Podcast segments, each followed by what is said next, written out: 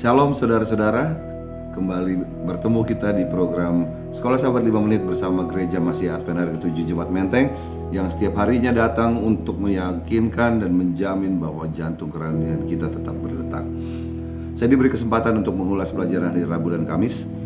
Perjanjian baru memiliki janji yang lebih mulia, itu judul yang hari Rabu.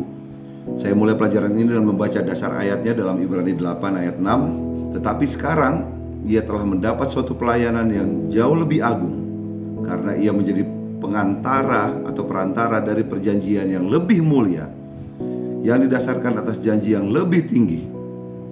Kata-kata itu lebih baik, lebih mulia, lebih tinggi muncul berkali-kali dalam kitab Ibrani Saudara.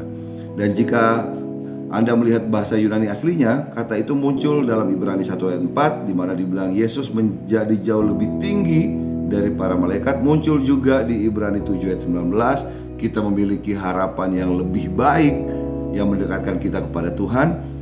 Ibrani 7 ayat 22, Yesus telah menjadi jaminan dan perjanjian yang lebih kuat Ibrani 8 ayat 6 tadi kita sudah baca Yesus adalah perantara dari perjanjian yang lebih agung Dari di atas perjanjian-perjanjian yang lebih baik Ibrani 9 ayat 23 berbicara tentang pengorbanan yang lebih baik dari ini. Uh, Ibrani 10 ayat 34 tentang kepemilikan yang lebih baik dan abadi yang kita akan miliki di surga. Ibrani 11 ayat 16 mengatakan mereka menginginkan negara yang lebih baik yaitu negara surgawi. 11 ayat 35 orang lainnya disiksa tidak menerima pembebasan agar mereka dapat memperoleh yang lebih baik. Ibrani 11 ayat 40 Tuhan telah menyediakan sesuatu yang lebih baik bagi kita.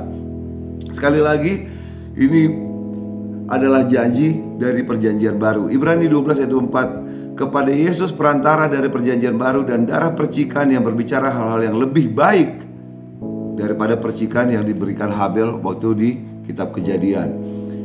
Di seluruh kitab Ibrani, sesuatu yang lebih baik mengacu pada berkat-berkat yang akan kita lihat di dalam perjanjian baru. Sekarang, sebagaimana telah dibahas dengan sangat jelas, mereka yang berada di bawah perjanjian lama juga sebenarnya memiliki akses kepada berkat-berkat yang sama. Tetapi mereka menerimanya dalam bentuk uh, bayangan dari apa yang akan datang. Dan kebanyakan mereka gagal menerimanya. Coba kita bandingkan uh, perjanjian lama dengan perjanjian baru perbandingan pertama adalah keterpisahan Tuhan dengan manusia. Di perjanjian lama itu harus diwakili oleh Musa. Sedangkan perjanjian baru Yesus sendiri yang menjadi jembatan pengorbanan. Penurutan hukum pada saat itu mereka coba untuk meninggalkan kejahatan dengan usaha mereka sendiri. Sedangkan di perjanjian baru sudah ditebus oleh Yesus. Mereka harus mengorbankan hewan, hewan tetapi tidak benar-benar membersihkan dari dosa. Tetapi dengan iman kepada Mesias yang akan datang, itu akan dibersihkan murni dari dosa. Yesus ketika datang dia adalah korban yang sempurna dan dia Tuhan yang ingin menulis di dalam hati di dalam hati mereka. Awalnya Tuhan ingin uh, Israel secara bangsa itu ditulis di dalam hati mereka karena awalnya uh, mereka itu di tuliskan di dua loh batu. Persamaan ya saudara-saudara. Jadi kita harus ingat dulu bahwa mereka itu diselamatkan dari Mesir baru diminta penurutannya. Jika kita baca dalam ulangan pasal 11 18 kita lihat di mana Tuhan berkata, "Tetapi kamu harus menaruh perkataanku ini dalam hatimu dan dalam jiwamu. Kamu harus mengingatkannya kepada tanda pada tanganmu dan haruslah itu menjadi lambang di dahimu." Tapi entah kenapa orang-orang melihatnya sebagai legalisme. Padahal ini mereka sudah diselamatkan dulu baru diminta penurutan itu. Hukumnya yang tadinya ditulis di loh batu, di mana kalau di atas batu bisa dihancurkan, bisa dilempar, tetapi kalau dia simpan dalam hati dan jiwanya, itu tidak bisa di dihancurkan sebagaimana batu bisa dihancurkan. Tapi itu dilihat bentuk sebagai penyelamatan diri sendiri, penurutan perbuatan kita, ketaatan kita mereka uh, mereka gagal untuk uh, menyadari bahwa Tuhan menuliskan di dalam hati mereka itu sebagai niat yang baik. Jadi dalam hal ini saya pikir Tuhan ingin menulis dalam perjanjian lama maupun perjanjian baru hukum di hati mereka dan hukum di hati kita. Tapi pada saat itu orang-orang Israel keras kepala. Di sekarang janji itu dibangun di atas janji-janji yang lebih baik. Kita baca Yeskiel 36 ayat 26. Kamu akan kuberikan hati yang baru dan roh yang baru di dalam batinmu. Dan aku akan menjauhkan dari tubuhmu hati yang keras. Itu yang Tuhan inginkan sebenarnya dari bangsa Israel. Dan kuberikan kepadamu hati yang taat. Jadi waktu dia mau tuliskan hukum moral lo itu di dalam hati mereka, dia mau uh, lunakan hati mereka. Ayat 27 Rohku akan kuberikan diam di dalam batinmu Dan aku akan membuat kamu hidup menurut segala ketetapanku Dan tetap berpegang pada peraturan-peraturanku dan melakukannya. Yang terbiasa berbuat jahat Kita butuh pikiran baru.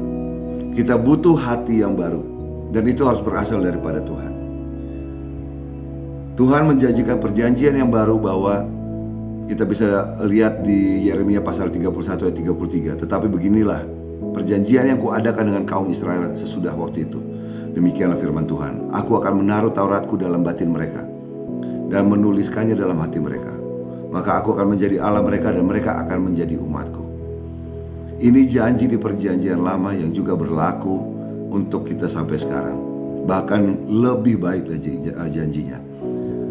Untuk mereka yang memiliki keinginan untuk melayani Tuhan, Tuhan akan menjadi Tuhan bilang, "Aku akan menjadi Tuhan mereka. Aku akan bersamamu. Aku akan melindungimu. Aku akan menjadi bentengmu di sekitarmu. Aku akan menjadi ayah bagimu dan kamu akan menjadi anak-anakku." Inilah yang Tuhan ingin lakukan. Dan waktu Tuhan berkata, "Aku akan jadi Tuhan atas mereka dan mereka akan menjadi umatku" di dalam hati itu tidak bisa dilempar ke tanah seperti batu atau dipukul dengan palu dan dipatahkan. Mereka tidak dapat dipotong dan dibakar. Mereka adalah bagian dari keselamatan yang Tuhan sudah berikan. Kita lihat di dalam perjanjian baru, hati mengacu pada pikiran, organ memori dan pemahaman yang secara khusus untuk memakai sebagai pembuat keputusan secara sadar. Tuhan ingin mengubah kita dan saya mendorong Anda untuk mengizinkan Tuhan melakukan pekerjaan yang luar biasa yang ingin dia lakukan, yang baru sehingga Anda dapat menjadi anaknya dan hidup selamanya. Tuhan Yesus memberkati.